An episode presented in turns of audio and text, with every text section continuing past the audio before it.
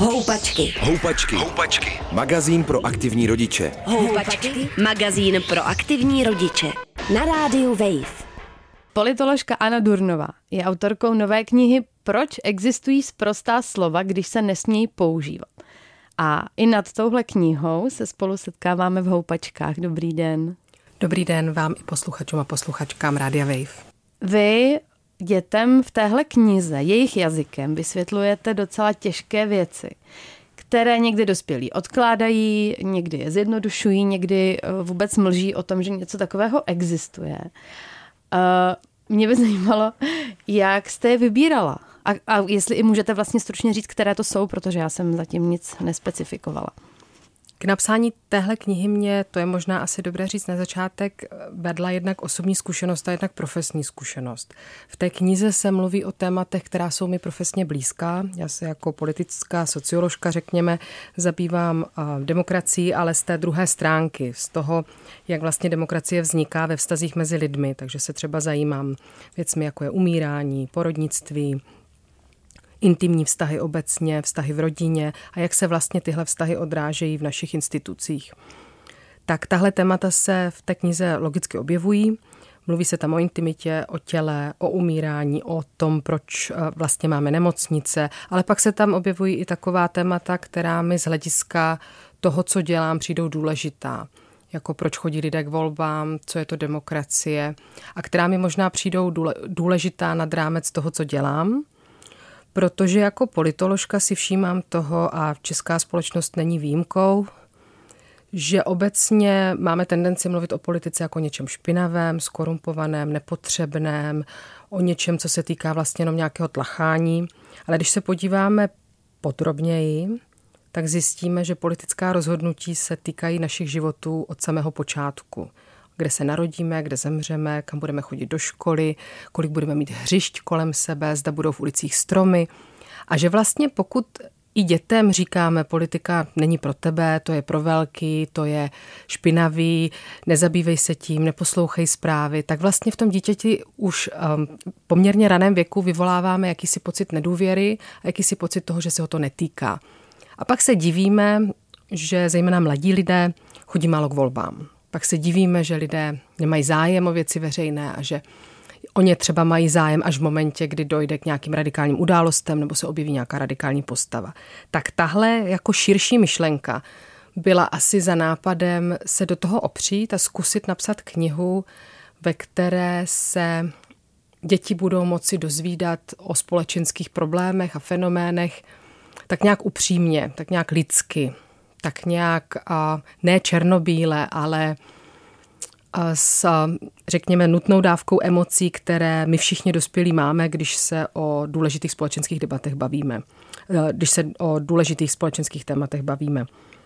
Že prostě máme třeba i nějaké poměrně vyhraněné názory, že možná neexistuje, abychom na nějakou věc měli názor takzvaně neideologický, že vlastně jsme všichni nějakými hodnotami obklopeni. A já si tak trochu myslím, že právě tohle je ten důvod, proč se velká řada z nás, rodičů, a já jsem i sama rodičem dvou malých dětí, tak nějak zdráháme těm dětem o tom světě vyprávět, protože máme pocit, že vlastně musíme přiznat barvu, nebo že třeba musíme říct, že některé věci v té naší společnosti jsou nedomyšlené nebo nespravedlivé a mně přišlo u toho psaní té knihy zajímavé to, že jsem tuhle těžkost poznala, když jsem se vlastně snažila ten příběh nějak vytvořit.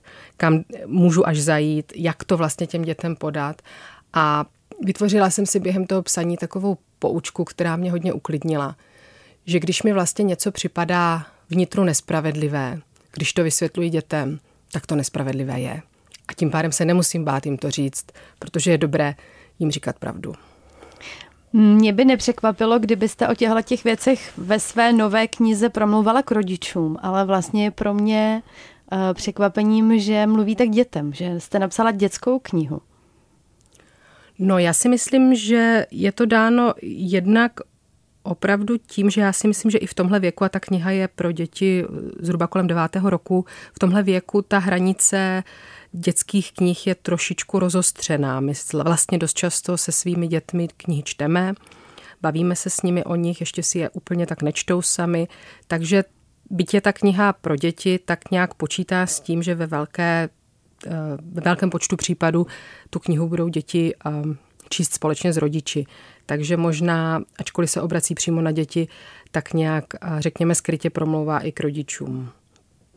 Možná protože si mám pocit, že i ty dětské příběhy nám někdy pomohou ten svět kolem nás lépe uchopit. Mm, bylo to pro vás těžké? Nebo možná nezvyk? Tak já se musím přiznat, že mám samozřejmě za sebou asi tři vědecké knihy a řadu vědeckých článků a publicistických textů, ale když se nad tím zamyslím, tak si myslím, že něco tak těžkého jsem ještě v životě nepsala. A bylo to dáno především tím, že abych to řekla tak polopatě, než se člověk dostane k tomu, co dělá a k nějakému pojmosloví, které vysvětluje, tak si musí spoustu věcí kolem toho vymyslet, vymyslet si vlastně nějakou až tak říkajíc um, divadelní scénu, ve které se odehrávají ony otázky a odpovědi na ně. A to pro mě bylo asi nejtěžší. Ale během toho psaní jsem potom přišla na to, že díky tomu, že si do jisté míry mohu vykonstruovat ten, tu scénu, ve které se to vysvětlení odehrává, takže mi to dává svobodu, kterou z vědeckého psaní samozřejmě neznám. Kde jste vzala, můžeme tomu říkat, inspiraci nebo nějaký nejlepší postup na to, jak pracovat s takhle složitými tématy, když je vysvětlujete dětem? Já možná začnu trochu ze široka. Já když se podívám zpátky mě je přes 40, ale v podstatě od útlého věku se kolem mě pohybovaly nějaké děti. Je to jednak dáno tím, že jsem z velké rodiny, kde rozmezí mezi nejstarším sourozencem a nejmladším je 17 let, že kolem nás se vlastně i v té velké rodině pohybovalo vždycky hodně dětí a já jsem tím pádem někde tak od desátého roku neustále přirozeně přicházela do styku s dětmi. Také jsem eh, nějakou dobu působila velice krátce jako skautská vedoucí, kde zase jsme se s dětmi dost často bavili právě s těmi dětmi kolem desátého roku. A tak možná i nějak přirozeně, když potom jsem už pracovala na univerzitě ve Vídni jako politoložka, tehdy ještě jako odborná asistentka, tak nám došla pozvánka na takzvanou dětskou univerzitu, kde jsme byli vybídnuti k tomu, abychom svoje profesní témata podali v rámci dětských workshopů v létě. A já si myslím, že důvod, proč jsem na tohle slyšela, bylo právě ta moje osobní zkušenost tím, že jsem se nikdy dětí nějak nebála, abych tak řekla, že jsem vlastně s nimi přicházela do nějakého přirozeného rozhovoru opakovaně na různá témata. A tak jsem tehdy, protože jsem tehdy psala dizertační práci na hospicovou politiku a politiku umírání v Evropě, udělala workshop právě, který se jmenoval Co to znamená, že někdo umírá. A celá ta zkušenost s tím workshopem byla možná v něčem eh, velice důležitá pro tuhle knihu, ačkoliv ta kniha přišla o mnoho let později. A tím důvodem bylo to, že jsem se setkala v zásadě s eh, dvěma reakcemi. Ta první byla, bože můj, proč tohle eh, děláš dětem? A ta druhá, která pro mě od těch dětí, byla neskutečná otevřenost a zvědavost a touha proniknout do něčeho, co jim opravdu dospělí vůbec neříkají. A ty workshopy se nakonec museli udělat dva, protože bylo moc zájemců. A já jsem tehdy vlastně během těch 90 minut narazila na 20 dětí, které mě bombardovali otázkami od toho, co to je chemoterapie, co to je hospic a proč už se někdo z nemocnice nevrátí. A ta lehkost, ta upřímnost, jakou se o tom bavili, mě vlastně přesvědčila o tom, že děti se let kdy bojí mnohem méně než my a že je dobré možná ten svůj vlastní strach překonat a jít mimo tu komfortní zónu a říct jim to, na co se ptají. A možná už tehdy ve mně vznikla taková moje poučka, kterou vlastně praktikuju i na svých dětech, abych tak řekla, že když se moje dítě na něco zeptá, tak to chce vědět. A nemá cenu uhýbat a nemá cenu mu lhát. Nebo nemá, lhát bychom neměli, ale nemá cenu uhýbat a říct mu to. A já jsem vlastně po téhle zkušenosti opakovaně nabízela tady ty dětské workshopy na témata, která jsem dělala. Pak jsem dělala, řekněme, trochu i veselější témata, jako třeba politický aktivismus a tam jsem nechávala děti i rozhodnout, jak si postaví svůj vlastní park nebo psali petici starostům a i tam jsem vlastně viděla jakousi přirozenost v tom, že i děti mají spoustu situací a my to známe i z českého prostředí, že třeba některé školy se do toho zapojují a učí děti reflektovat, jak si vlastně volí předsedu třídy, jak rozhodují o tom, co se bude dít ve třídě, že vlastně spousta z těch věcí, které se dají zahrnout do politického života a politické práce, se dějí i v našem každodenním životě. Protože politika je i o rozhodování lidí, o jejich chování, o nějaké kolektivní akci a to všechno vlastně děti zažívají, byť úplně v jiném kontextu. Takže tohle byla taková nějaká, řekněme, poloprofesní zkušenost, která se mi ukládala do šuplíku, jako že s dětma je fajn mluvit a že to je dobrý a že je dobré se toho nebát. Jakou máte od dětí zpětnou vazbu? Buď na knihu, o které se teď bavíme, anebo na to, že se s nimi otevřeně bavíte o takovýchhle tématech? Asi v zásadě řečeno velmi pozitivní. Moje děti se neustále na něco ptají a někdy už jsem mi unavená a třeba řeknu, že si o tom popovídáme někdy jindy, protože i děti dokážou položit otázky, ze kterých se jednou hlava zavaří. Takže asi v podstatě v zásadě mám pocit, že ono je to vždycky těžké, protože člověk málo ví, co se v té dětské hlavičce odehrává, jenom tak jako kdyby odezírá. Ale z toho odezírání mám pocit, že to v dětech vyvolává určitou důvěru. A to je asi něco, co jsem si i jako rodič uvědomila, že bych eh, chtěla u svých dětí vybudovat nějaký vztah, eh, který bude založený na absolutní důvěře. Protože jestli se někdy něčeho bojím, tak se bojím toho, že jednou mi moje dítě nebude chtít něco říct, protože se bude bát mojí reakce. A to, to bych vlastně nechtěla nikdy dopustit. Chtěla bych, aby vlastně to vnímali, že se můžou na cokoliv zeptat. A mám pocit, že tohle je taková přirozená forma, jak od malička je učit že není, neexistuje hloupá otázka, neexistuje špatná otázka a že mě se můžou zeptat na cokoliv. Teď i cizí děti. No to je na pravda a myslím si, že se to i děje a je to taková možná i nějaká přirozená součást té mojí profese. Ono je vždycky těžké dělat nějaké srovnání, ale je třeba pravda, že nějakou dobu i právě třeba eh, ve spolupráci s Českým rozhlasem komentují eh, politické dění v Rakousku. A to je třeba, řekněme, myšlenková operace, která je vzdálená od toho, co dělám ve vědě. Musíte používat jiný jazyk, musíte opravdu i vůči dospělým, eh, kteří nejsou odborně zaměřeni tak jako vy, používat jiný jazyk, zjednodušovat, vymyslet si nějaký emblematický příklad, který bude nutně omezený. A je s tím spojená jakási nejistota, protože ve vědě se učíme mít co možná nejpřesnější kategorie, všechno diverzifikovat. Tak mám pocit, že tohle pro mě byla velice jako nosná zkušenost, kdy jsem zjišťovala, že politika se dá opravdu jednoduše vysvětlit, že se dá vysvětlit ve dvou vteřinách nebo ve dvou minutách podle toho, jak je nastavené to vysílání. A tohle je pro mě možná takový logický další krok k popularizaci. Pojďme teda zkusit ještě, ještě něco o stupínek výš, ještě o stupínek těžší. A je nějaké téma, které Uh, buď to třeba i v té knize je, anebo i není, které byste chtěla ještě umět vysvětlit trochu líp, nebo u kterého to nejde tak, jak byste si představovala? Tak v té knize je určitě spousta témat uh, nedotčená. Určitě se tam najdou témata, která by zasloužila větší pozornost a která by zasloužila samotnou kapitolu. A když to tak procházím, tak například je tam kapitola o rodině, kde se nakonec zabývám tím, proč se lidé rozcházejí a střídavou péčí a matkami samoživitelkami. Byť na začátku té kapitole se objevuje i soužití stejnopohlavních párů, což je třeba něco, co si myslím, že by byla taková další pokračování, chcete-li, nebo další příčka, že od toho se tedy odpíchnout, co to vlastně znamená rodina a proč vůbec je tady takovýhle nějaký konflikt. A takovýhle jako víc, eh, řeknu tak zjednodušeně, vyhraněných otázek, by se tam ještě vešlo a nejsou tam. Možná je to proto, že já jsem doposavat na českém trhu žádnou takovouhle knihu nespozorovala a měla jsem pocit, že ten první pokus by měl být pokud možno co nejširší. Já jsem si vědoma toho, že pro spoustu dospělých čtenářů a čtenářek ta kniha bude ideologická a vyhraněná, nebo že to bude vlastně něco, Eh, to se může stát, že někdo to bude vnímat jako zásah do nějaké svojí jako sféry a že do toho tahám ideologie a proč dě, dětem tady tohle cpu. Takže jsem vlastně chtěla ten první pokus udělat takový, co možná nejširší, udělat taková ta základní témata demokracie, rodina, zdraví, umírání a zjistit, jak to funguje. A myslím si, že by bylo třeba fajn se od toho odpíchnout někam dál někam k nějakým složitějším tématům. Řekla jsem to téma těch stejnopohlavních párů. I vlastně to téma smrti, které je tam navozené, tak samozřejmě se dá rozebrat mnohem více do detailů a to jsou třeba právě i náhlé smrti, smrti dětí, jako blízkých lidí, maminek, tatínků. Jsou to třeba i potom i ta nová témata, která jsou už poměrně rozšířené, roz, nová témata, která už jsou poměrně rozšířená a to je třeba právě i téma um, eutanázie a nějakého asistovaného umírání.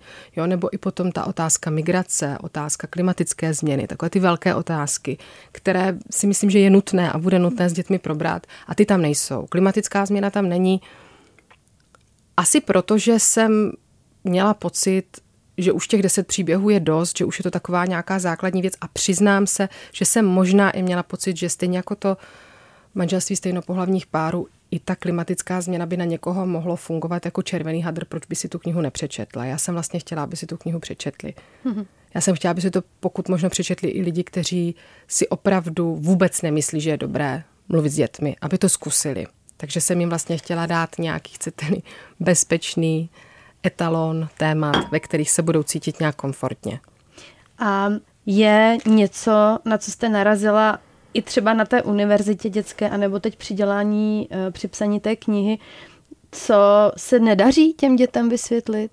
Tak obecně samozřejmě to téma té smrtelnosti a ten paradox a absurdita toho, eh, té smrtelnosti člověka je něco, co děti nejsou ochotní pochopit, stejně jako nejsou ochotní pochopit dospělí.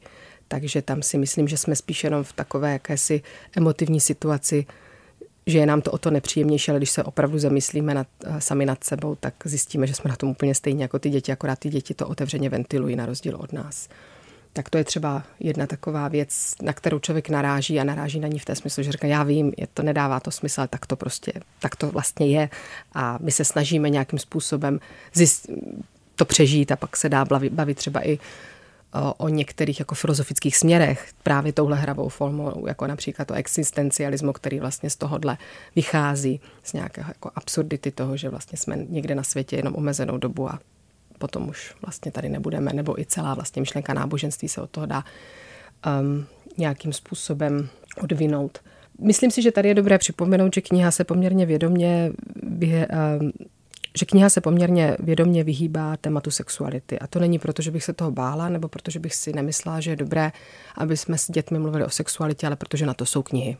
A já jsem vlastně nechtěla nějakou jako povrchní formou v rámci těch deseti příběhů ještě nějakým způsobem se bavit o sexualitě, když tady máme spoustu dobré a kvalitní literatury o tom, jak s dětmi o tomhle mluvit. Takže to je třeba z mé strany takový, řekněme, um, praktický nebo pragmatický, to je z mé strany takové pragmatické rozhodnutí, že prostě mm-hmm. nebudu suplovat něco, co je v mnohem lepší formě k dostání jako samostatná kniha.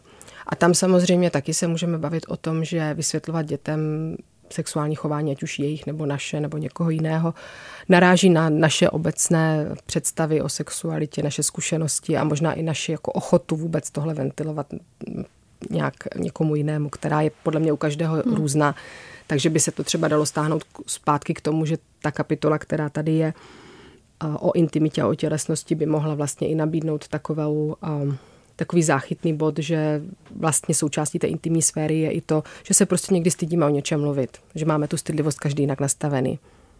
Já bych asi vlastně chtěla, aby se těmi příběhy prolínala taková hlavní myšlenka nějaké vzájemné důvěry a touhy o pochopení. Já mám pocit, že jsem tu knihu psala v době, kdy nejenom česká společnost, ale i česká společnost byla strašně polarizovaná a veškeré diskuze na jakékoliv téma byly extrémně vyhrocené. A já si uvědomuji, že jsem měla nějakou jako touhu to, tomu se vyhnout a jít po nějaké jako notě, která bude smířlivá, která se bude snažit najít způsob, jak se o věcech bavit smířlivě a s pochopením. Přemýšlela jste při psaní té knihy i o tom, že by měla vést děti k tomu být aktivní, eh, k tomu, že i jeden člověk může něco změnit, nebo že to, že se zajímáte o věci okolo, je už nějaký první krok k tomu, že si ten svět nějak podle sebe můžete utvářet? Myslím si, že mě to psaní nenapadlo, ale teď, když se mi na to ptáte, tak si uvědomuji, že přes to ptaní, nebát se na něco zeptat, se dá dětem hezky vysvětlit, že jim nemusí být jedno, v jakém světě žijí a že si mohou um, doplnit informace, zeptat se někoho, proč to tak je a když tím nesouhlasí, tak třeba najít způsob, jak to změnit. To si myslím, že právě, aby se děti aktivně podílely třeba na diskuzích ve škole nebo na táboře, je dobrý způsob, jak jim ukázat, že když se něco zeptají, tak se dozví něco a třeba se dozví i to, že a, nemusí něco dělat nebo nemusí někde čekat, nemusí někde stát, když se třeba zeptají, můžu si zatím tady sednout.